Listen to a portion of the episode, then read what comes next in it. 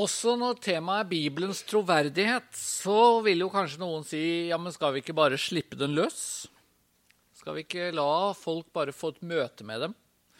Og en av utfordringene når vi møter anklager og kritikk mot Bibelen og Bibelens troverdighet, er jo at de som gjerne kommer med kritikken, de har jo snaut lest i Bibelen. De har ofte bare hørt eh, ganske populære anklager mot Bibelen. Og da er det jo absolutt på sin plass å prøve å utfordre folk til å faktisk lese den og bli kjent med den. Men jeg tenker at, at det å også besvare noen av disse anklagene, misforståelsene, fordommene, tror jeg er viktig.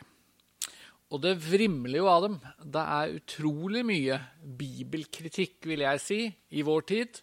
Og noe av det mest ubehagelige er jo at ganske mye av den kommer jo også fra eh, prester og biskoper og folk som har teologisk eh, utdanning. Eh, slik at det er aldri helt godt å vite. Kommer denne kritikken fra de som ikke tror på Gud i det hele tatt, ikke vil ha noe med kristendom å gjøre, eller kommer det fra de som egentlig vil ha et litt annet syn og forhold til Bibelen enn det jeg ønsker meg? Men jeg tror at det jeg skal gjøre nå, er å gå gjennom tre, i hvert fall touche innom tre av de anklagene som jeg ofte hører og møter. Det ene, og det er kanskje det vi snakker minst om, så jeg skal begynne med det, handler om kanonspørsmålet. Altså hvordan kan vi i det hele tatt snakke om Bibelen som én bok som det er noe spesielt med? Hvorfor disse 66 bøkene? Hvorfor skal vi se på de som noe spesielt? Og Spørsmål nummer to er hva gjør vi med alle påstander om at Bibelen inneholder feil og selvmotsigelser og presenterer et gammelt verdensbilde? Og det siste er dette med å tolke Bibelen. Det er jo blitt veldig populært å si at Bibelen kan tolkes på så veldig mange måter at det er nesten ja, det er fritt valg. Og noen vil si at Bibelen, altså det å snakke om at vi må bygge livet vårt på Bibelen, er jo meningsløst, for hva betyr så det? Folk tolker jo på så mange måter. Så det får vi nå prøve å touche innom. Det første kanonspørsmålet.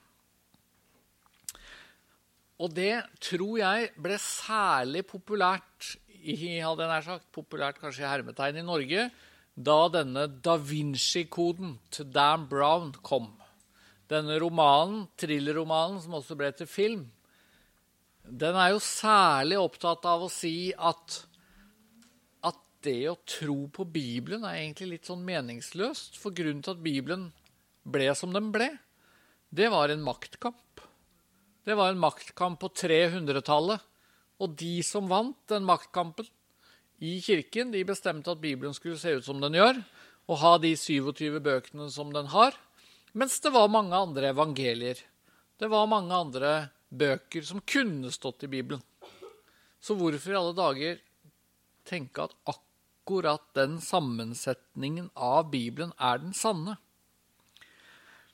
Og Grunnen til at jeg litt begynner der, er at jeg opplever at kristne har veldig, ofte har veldig lite trening på å besvare denne type anklager. For Vi er jo vant til at når vi skal forsvare Bibelen eller forklare hva vi står for, ja, så slår vi jo opp i Bibelen.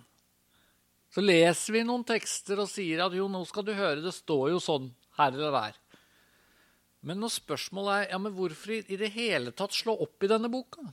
Hvorfor ikke lese Thomas-evangeliet, som noen av dere kanskje har hørt? Et, et gammelt si, alternativt evangelium, eller det er vel noe som heter Judasevangeliet også, som ble kjent for noen år siden. Hvorfor i det hele tatt forholde seg til Bibelen? Hvorfor består den av akkurat 66 bøker? Hvordan kan vi vite at Kirken valgte rett?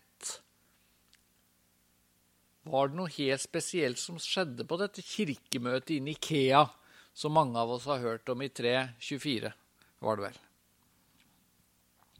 Og Utfordringen med disse spørsmålene er at de krever jo da litt kirkehistorisk kunnskap. Vi må faktisk sjekke ut mer sånn historisk om disse anklagene mot Bibelen og Bibelens sammensetning henger på greip. Og da kan vi jo ta si, en del av Bibelen for seg, og først si litt om Det gamle testamentet. Det er jo en bok som er blitt til over en mye lengre periode enn Det nye testamentet. Helt sikkert over noen hundre år så ble på en måte Gamle testamentet til.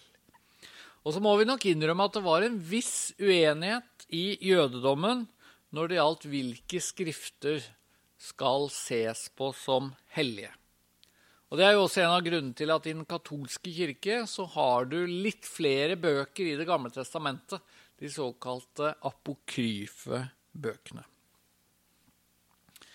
Men det som er egentlig veldig enkelt for oss som er kristne når det gjelder Det gamle testamentet, er jo at Det nye testamentet og Jesus snakker om Det gamle testamentet helt åpenbart som et hellig skrift, som Guds ord. Slik at, at det å være kristen og ikke ha et høyt forhold, hvis man kan si det på den måten, til Det gamle testamentet, er jo egentlig en umulighet. Vi bør jo behandle Det gamle testamentet som Jesus behandlet Det gamle testamentet. Som Guds ord. Så jeg tror jeg bare går rett videre da til Det nye testamentet, og da er det jo litt vanskeligere. Jeg har møtt av og til kristne som leser fra 2. Timoteus brev 3,16 om at ja, det står jo at hele Skriften er innåndet av Gud. Men det verset gjelder jo Det gamle testamentet. Når Paulus skrev 2. Timoteus-brevet, så fantes det jo ikke noe Nytestamentet. Og igjen, det er, det er, ganske enkelt å forklare hvorfor Det gamle testamentet skal ses på som hellig, men hvorfor det nye? Vi kan ikke på en måte slå opp i Bibelen og finne vers om Det nye testamentet før Det nye testamentet ble til. Så spørsmålet blir hva er det da som gjør at Det nye testamentet har betydning? Jo, vi kan faktisk slå opp i noen vers og jeg tror en av de Kanskje det viktigste verset i Det nye testamentet som sier noe om hvorfor Det nye testamentet har autoritet. Det er det Jesus sier i Lukas 10, vers 16. For da sier han altså til sine disipler Så sier han Den som hører dere, hører meg, og den som forkaster dere, forkaster meg. Så Jesus ga jo sine disipler, apostlene, Lukas 10, 16, han ga dem en spesiell autoritet. Og det er litt av en autoritet de fikk. da. Den som hører dere, hører meg. Og Det betyr jo at når vi da leser noe som apostlene skrev, de som fikk dette budskapet fra Jesus, da er det ganske vanskelig å si Sånn som ganske mange sier i vår tid. da, ja, men Det var jo ikke Jesus som sa det, det er jo bare Johannes eller det er jo bare Paulus eller et eller annet sånt. De fikk faktisk en helt spesiell autoritet. Men så blir jo spørsmålet, da ja, men Hvorfor akkurat de 27 bøkene? Hvordan kan vi vite at de er skrevet av mennesker som var blant Jesu apostler? Og det er der eh, Dan Brown og Da Vinci-koden og andre kommer, da, trekkende med Thomas' evangeliet eller andre ting, og sier ja, men det kunne jo stått i Bibelen, det òg. Dette, dette her er jo også gamle bøker. Men saken er den at Og det er der Dan Brown og Da Vinci-koden faktisk tar historisk helt feil. Det er at det, det var ikke slik at Det nye testamentet ble fastlagt på 300-tallet. Og som det står i Da Vinci-koden, da brant keiseren 70-80 evangelier opp, og så valgte man ut de fire som havnet i Bibelen. Saken er den at i år 140 så kom det en I år 140 kom det en predikant til Roma som het Markion. og Noen av dere har sikkert hørt om han. Han er ganske beryktet. Fordi Markion han mente at det eneste som egentlig skulle stå i Det nye testamentet, det var Lukas evangeliet. Og så var det noen få brev som Paulus hadde skrevet. Men Markion han forkastet Matteus, han forkastet Johannes, han forkastet Markus. Og grunnen var at han var veldig skeptisk til Det gamle testamentet. Og han syntes at disse tingene i Det nye testamentet det var for preget av Det gamle testamentets tankegang. Slik var det altså i år 140, når Markion kom til Roma. Og da ble Markion avvist av alle kirkeledere, av alle menigheter. Det var helt tydelig i år 140 at Matteus, Markus, Lukas, Johannes og de eh, store Paulusbrevene det var en del av de skriftene som sirkulerte i kirken, som ble brukt av de kristne, som ble sett på som hellige, som ble sett på som apostolisk veiledning. Slik at det som faktisk skjedde på kirkemøtet i Nikea, det var at man landa det aller siste av Det nye testamentet. Og det var altså hebreerbrevet, Jakobs brev, andre og tredje Johannes, Judas brev og Johannes' åpenbaring. De sju skriftene var det noe uenighet og litt usikkerhet om, og der kom det på en måte et vedtak om at dette skal inn i Det nye testamentet. Dette ser vi på som hellige skrifter. Men du vet jo antagelig at det er jo i de andre skriftene det er jo de som er hva skal vi si, aller mest sentrale. Markus, Matteus, Lukas, Johannes, Romerbrev, første Korinterbrev. Det er disse tunge skriftene som Du hadde faktisk trodd det du tror i dag om du ikke hadde hatt Judasbrevet i Det nye testamentet. Slik at det går an å argumentere veldig godt kirkehistorisk, faglig, for at det ble foretatt en veldig tidlig utvelgelse av de skriftene som i dag står i Det nye testamentet. Og man vet at dette er skrifter som ble skrevet tidlig, som ble skrevet av apostlene, de aller første som var sammen med Jesus. Det gjelder selvfølgelig Petersbrevene, skrevet av Peter. Og så kan man jo spørre om Paulus. da. Paulus gikk jo ikke sammen med Jesus. Paulus var jo ikke en apostel, var han det? Men han ble faktisk akseptert av de andre apostlene. Det kan vi jo lese om i eh, andre Peters brev. Der skriver Peter om Paulus. Vi kan lese om de apostlenes gjerninger, der Lukas skriver om Paulus. Og disse første kristne, lederne i kirken, de ble overbevist om at Paulus han fikk et spesielt kall fra Gud. Han fikk et spesielt møte med Gud på vei til Damaskus.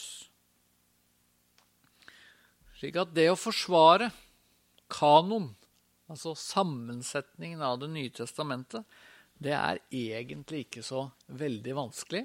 Men man trenger litt kirkehistorisk kunnskap. Og det jeg snakker om nå, er egentlig ikke omstridt. Også ateistiske eller skeptiske forskere er jo enige om at eh, Det nye testamentet i stor grad er skrevet rett etter Jesus og veldig tidlig. I første Korinterbrev 15 og det passer jo godt å bare nevne nå rett etter påske, så skriver jo Paulus om oppstandelsen. Og han skriver at mer enn 500 mennesker så Jesus etter at han sto opp fra de døde. Og så føyer Paulus til av disse lever de fleste ennå. Det må jo bety da at når Paulus skrev første Korinterbrev, så må han ha skrevet det bare noen tiår etter at Jesus sto opp fra de døde. Fordi av de 500 som møtte Jesus etter oppstandelsen, så var det altså mange som fortsatt levde. Man kunne altså sjekke dette. Jeg syns det er litt sånn interessant når temaet er apologitikk.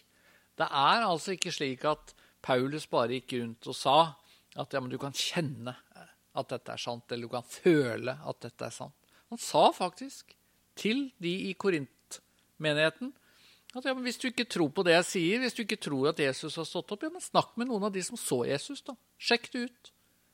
Dette er troverdig. Det er historisk et faktum at Jesus sto opp ifra de døde.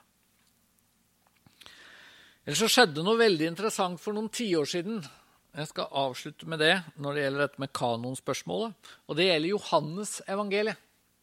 For noen tiår siden Jeg må være litt forsiktig, for jeg husker ikke helt nøyaktig når det skjedde, men la oss si for 50 år siden, så var det i hvert fall ganske vanlig at bibelforskere av den kritiske typen de tenkte at Johannes-evangeliet det er antagelig skrevet sånn rundt år 150, ja, kanskje enda seinere. Johannes-evangeliet kan ikke ha vært skrevet av Johannes. Og de hadde mange argumenter og grunner for å tro at Johannes-evangeliet det var egentlig et, hva skal vi si, et falskt evangelium. Det var en vanlig holdning. Men så fant man altså et lite fragment i Egypt. Altså et papyrusfragment som det viste seg at inneholdt Johannes evangeliet. Eller det inneholdt bare bitte litt av det, faktisk fra Johannes evangeliet kapittel 17. Og så når man da målte og testet dette papyrusfragmentet, så fant man ut at det, var, det ble datert til år 125. Og da endret forskerne sine teorier fullstendig. Fra å altså tenke at evangeliet kanskje var skrevet etter år 125, år 150, år 160, år 170, så måtte man altså gå med på at ja, det er antagelig skrevet av Johannes. Og det kan ha vært skrevet antagelig rundt år 90. Det er det vanlige å tenke i dag. Fordi at det hadde altså havnet helt i Egypt. En kopi av Johannesevangeliet hadde tydeligvis blitt spredt rundt i kirkene og spredt så langt at det var kommet til Egypt. Og der hadde det altså havnet da, eh, eller blitt nedgravd, og så ble det funnet for noen tiår siden. Jeg syns jo en del av disse faktaene om Bibelen og Bibelens eh, troverdighet er ganske interessante. Noen av dere som har lest eh, disse bøkene som Hans Johan Sagrusten har skrevet om akkurat dette? Hvis ikke, så anbefaler jeg gjerne det. Eh, han har skrevet og den aller første boka eh, handler egentlig om jakten på disse gamle manuskriptene. Men nå falt det bort hva den het. Er det noen som husker det? Det store puslespillet. Store puslespillet. Veldig interessant om disse manuskriptene, som altså peker på en veldig troverdig bibel med historisk forankring helt tilbake til altså år 125. Dette fragmentet av Johannesevangeliet er et av de aller eldste vi har. Så Det var litt om kanon, sammensetningen av Bibelen. Så er det jo mange da, som kommer som, eh, med som sin anklage at Bibelen inneholder masse feil. Den inneholder selvmotsigelser, og den inneholder et gammelmodig, foreldet verdensbilde. Og her er det også veldig mye man kan si, da. Og det kunne vært spennende å spurt også hva slags type påstander møter dere, og motsetninger i Bibelen. Jeg skal nevne noen av de jeg har hørt. Kan man jo diskutere hvor viktige og alvorlige de er. Men noen er jo opptatt av at Jesu ettertavle den er jo forskjellig. Hvis man sjekker i Matteus, er det en ettertavle. Hvis man sjekker i Lukas Hvorfor er de forskjellige? Så er det noen som er opptatt av at eh, etter oppstandelsen så står det i Matteus 28 at Jesus møter disiplene i Galilea. Mens Lukas ser ut til å si at Jesus møter disiplene rett utenfor Jerusalem. Hvordan kan det ha seg? Og hvem oppdaget egentlig at graven var tom?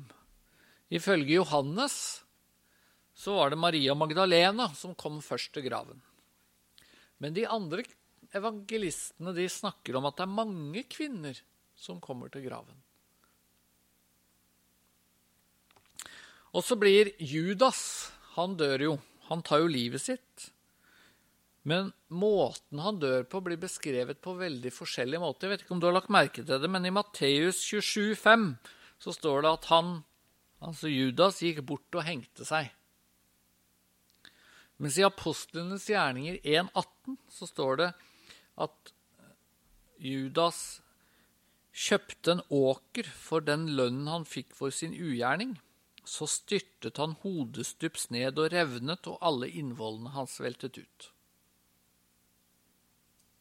Hengte han seg, eller styrtet han hodestups ned og revnet? Og hva sto egentlig på Jesu kors? Nå blir det litt sånn påskeeksempler her, da, men det passer veldig greit. Det står faktisk I evangeliene så er det fire forskjellige variasjoner. Hva sto på Jesu kors?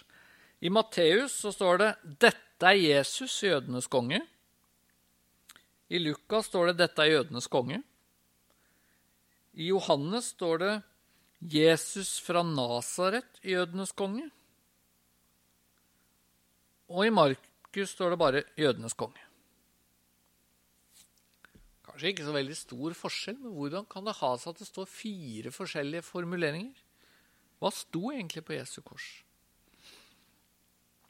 Og så kan man trekke fra masse forskjellig fra Det gamle testamentet. En populær påstand er jo at i 1. Samuels bok 16 så spiller David harpe for Saul. Mens i 1. Samuels bok 17 så virker det som Saul ikke aner hvem David er. Hvordan kan det ha seg? Så hva gjør vi når vi møter disse påstandene? Påstander om at det er masse feil i Bibelen, masse ting som ikke stemmer overens. Ja, jeg tenker jo at ganske mye av dette kan faktisk harmoneres. Og det er jo et sånn populært teologisk uttrykk i denne sammenheng, at man harmoniserer de ulike tekstene. Ehm, for eksempel når det gjelder Jesu kors, trenger vi å si at eh, de fire formuleringene er at tre av dem må være feil, og én er riktig? Kan vi ikke leve med at eh, noen forkortet den ene? For eksempel står det altså et sted 'dette er jødenes konge', og et sted 'jødenes konge'. Er det faktisk feil å si 'jødenes konge' bare for å forkorte poenget? Og så står det faktisk et sted i Johannes 1920 at på Jesu kors så sto overskriften i tre, på tre språk, både på gresk og hebraisk og arameisk. Så kanskje evangelistene bare siterer fra litt ulike språk. Og sånn kan man kanskje prøve å løse motsetninger og si at det er egentlig ikke motsetninger. Det er bare vi som leser det veldig vrangvillig når vi sier at ting var en motsetning. Maria Magdalena, sier Johannes, kom til graven. Men må vi lese fortellingen sånn at Johannes sier at det var bare Maria Magdalena? At han påstår noe feil, siden de andre evangeliene sier at det var andre kvinner? Det er interessant at i Johannes 22, hvor Maria snakker, så snakker hun om vi. Vi har Vi vet ikke hvor de har lagt Jesus, er det vel hun sier her. Så kanskje Johannes visste veldig godt at det var flere kvinner. Men han ville fortelle om Maria Magdalenas møte med den tomme grav. Og hva gjør vi med Judas? Det har jeg prøvd å lese litt om. Går det an å harmonere fortellingen om Judas? Ja, det går. Det går jo an å tenke seg at han hengte seg. Og så etter hvert røyk greina. Og han styrtet hodestups ned, og innvollene veltet ut. Så kanskje begge deler er sant. Jeg snakket faktisk med en kristen rettsmedisiner som sa at uh, hvis du henger deg i det varme Israel, så har du nok ikke vært død så veldig lenge før hele kroppen din går i oppløsning, og den faller ned. Og da vil jo kanskje vært ganske naturlig at når folk kom og fant Judas, ja, så fant de en kropp som lå hodestups med innvollene veltet ut i det varme Israel. Men så kan man jo spørre når blir vi for krampaktige fordi vi prøver å løse alle motsetninger? Og kan det gjøre litt vondt verre? Jeg har hørt, eh, og dette burde jeg sjekket litt bedre opp, men det står jo litt forskjellig i evangeliene akkurat dette med når galer hanen. Og det var én teolog som prøvde å løse alle motsetningene og fant ut at hanen gal åtte ganger for Peter. Og da kan man jo spørre seg blir man litt for ivrig i apologetikkens tjeneste for å få liksom alt å gå opp, og så lager man da en teori som blir kanskje mer anstrengt enn å si at ja, det der vet jeg ikke helt åssen jeg løser.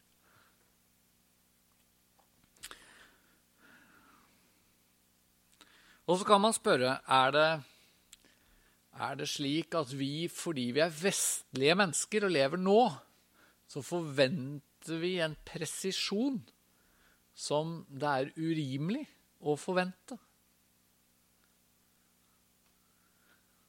Det hender jo at vi sier at eh, sola har akkurat stått opp. Det kan du si som en moderne nordmann i dag. Nå har sola akkurat stått opp. Men du forventer jo ikke at en vitenskapsmann sier at det er helt feil. Det er jo ikke sånn at jorda står opp. Du vet vel at vi bor på en rund klode, og sola går rundt, og den, den står jo ikke opp. Hva er det for et slags uttrykk? Og kanskje er det sånn at vi av og til i møte med Bibelen forventer et presisjonsnivå som Bibelen ikke ønsker å gi oss. Den vil jo først og fremst fortelle hvem Gud er og hva Jesus er.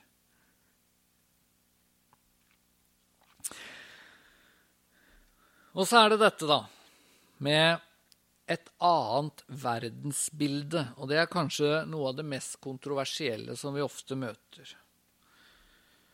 Noen sier at uh, alt det som står om onde ånder i Bibelen, det er jo bare fordi folk ikke visste hva epilepsi var. De visste ikke hva psykisk sykdom var. Så når noen ble syke på den måten, ja, så skyldte man bare på onde ånder. Og det fins også teologer, prester, biskoper, som omtrent tenker sånn.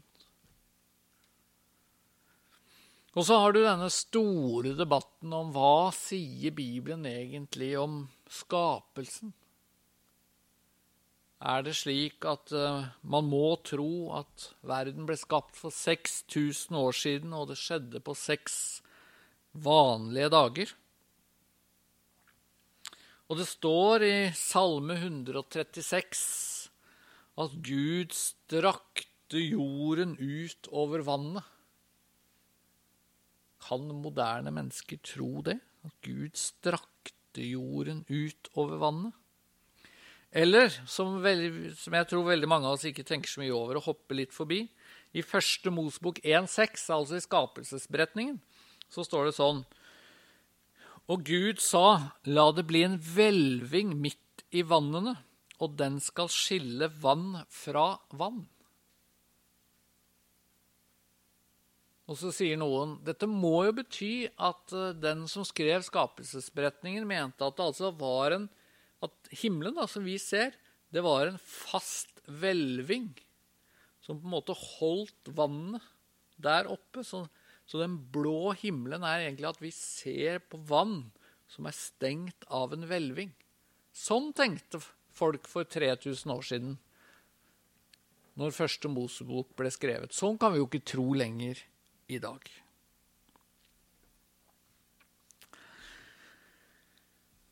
Hva sier vi så om dette? Og dette er det mye å si om, og jeg syns det, altså det, er et krevende tema. Det ene man kan si, er jo at det fins jo også i våre sammenhenger to typer bibelsyn. Og man kan kanskje bruke ordet fundamentalistisk eller konservativt om de to bibelsynene. Det er ikke så ofte vi bruker det i Norge, men f.eks. i Danmark, hvis du møter danske kristne, så snakker de veldig ofte om forskjellen på et fundamentalistisk bibelsyn og et konservativt. Og det fundamentalistiske vil si at det er ingen feil i Bibelen. Punktum. Og det, og det, konservative bibelsynet det vil si at jo, det kan nok finnes historiske feil. Det kan nok hende at han som skrev første Mosbok, trodde at det var en slags hvelving. Men, men, det berører på en måte ikke budskapet om lære og liv. Der er Bibelen perfekt. Der er det ingen feil. Det kan være noen feil eller uoverensstemmelser av mer historisk karakter. Det mange ikke vet, er jo at NLMs første generalsekretær, Johannes Brandtzæg, han var faktisk ganske tydelig på at han hadde et konservativt bibelsyn. Og Det var nok det vanlige i Norge da menighetsfakultetet ble dannet. At man tenkte som så at det kan godt hende det er noen feil i Bibelen, men da er det sånne geografiske og historiske og sånne hva skal vi kalle det, litt sånn dillefeil. Det kan vi leve helt greit med. Den eh, det på en måte budskapet, det vi skal tro, og det, hvordan vi skal leve, det er sant. Så er jo mitt inntrykk av at, uh, at det konservative bibelsynet har jo det problemet at hvordan skal du skille mellom det som er geografiske feil eller historiske feil og ting som ikke betyr noe, og andre ting. Og Det er nok grunnen til at jeg sjøl jeg eh, er litt sånn skeptisk å gå rundt og snakke om at jo da, det er nok noen feil i Bibelen. Fordi jeg er litt sånn redd for at plutselig så snakker jeg om, om ting som kanskje er viktig, men som jeg ikke helt forstår eller ikke helt griper, eller et eller annet sånt. Og så eh, setter jeg det på kontoen da, for at Bibelen har feil. Da vil jeg heller leve med at det er ikke alle ting vi klarer å forstå.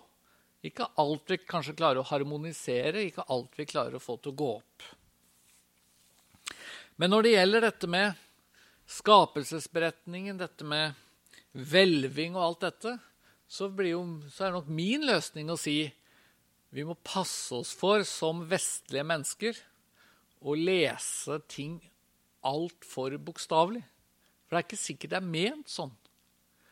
Når det står hvelving, ja, så kan det vel hende at han som skrev første Mosebok, inspirert av Gud, han forteller hva han så. Og det han så, er at det ser ut som en hvelving. Han ser, det ser, Og det ser det ut som i dag, på samme måte som vi altså kan snakke om at sola står opp, sola går ned.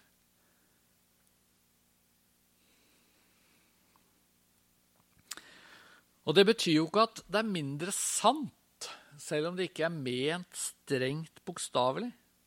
Det er veldig mye poetisk, hvis man kan si det sånt, som er veldig sant. Og som kan treffe oss, og som kan gjøre noe med oss.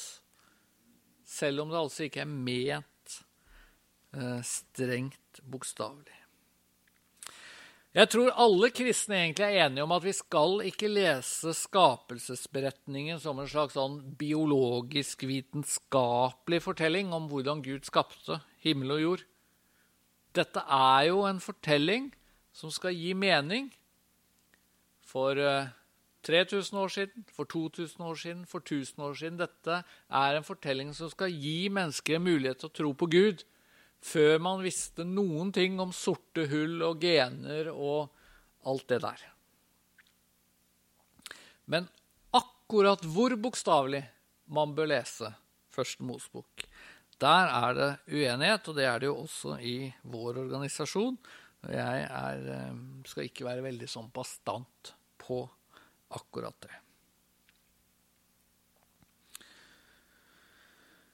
Men det leder meg til det siste poenget, som jeg skal ta ganske kvikt. Og det handler om hvordan skal vi tolke Bibelen?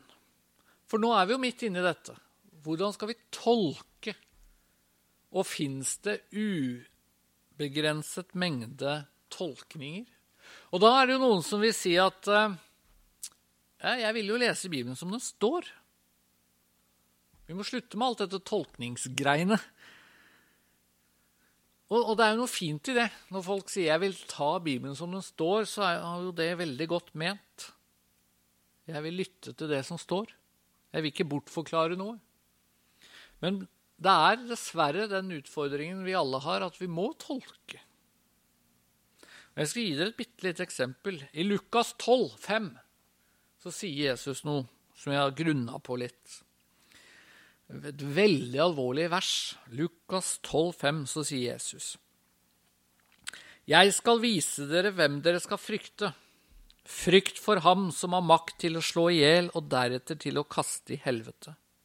Ja, jeg sier dere, ham skal dere frykte. Når du leser den teksten, så tror jeg det er helt nødvendig for deg å prøve å tolke. For Jesus snakker altså om han som har makt til å slå i hjel og til deretter å kaste i helvete. Hvem snakker han om? Snakker han om Gud, eller snakker han om djevelen? Og da kan ikke du svare med å si jo, men jeg tar det som det står.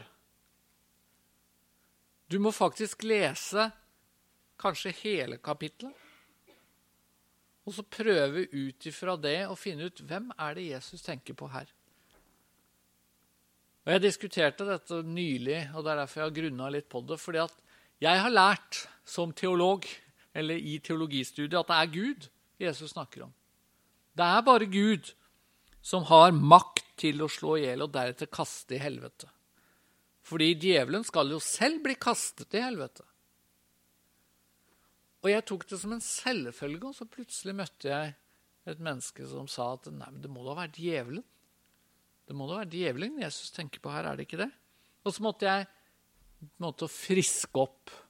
Hva er argumentene for at Jesus her snakker om Gud, ikke om djevelen?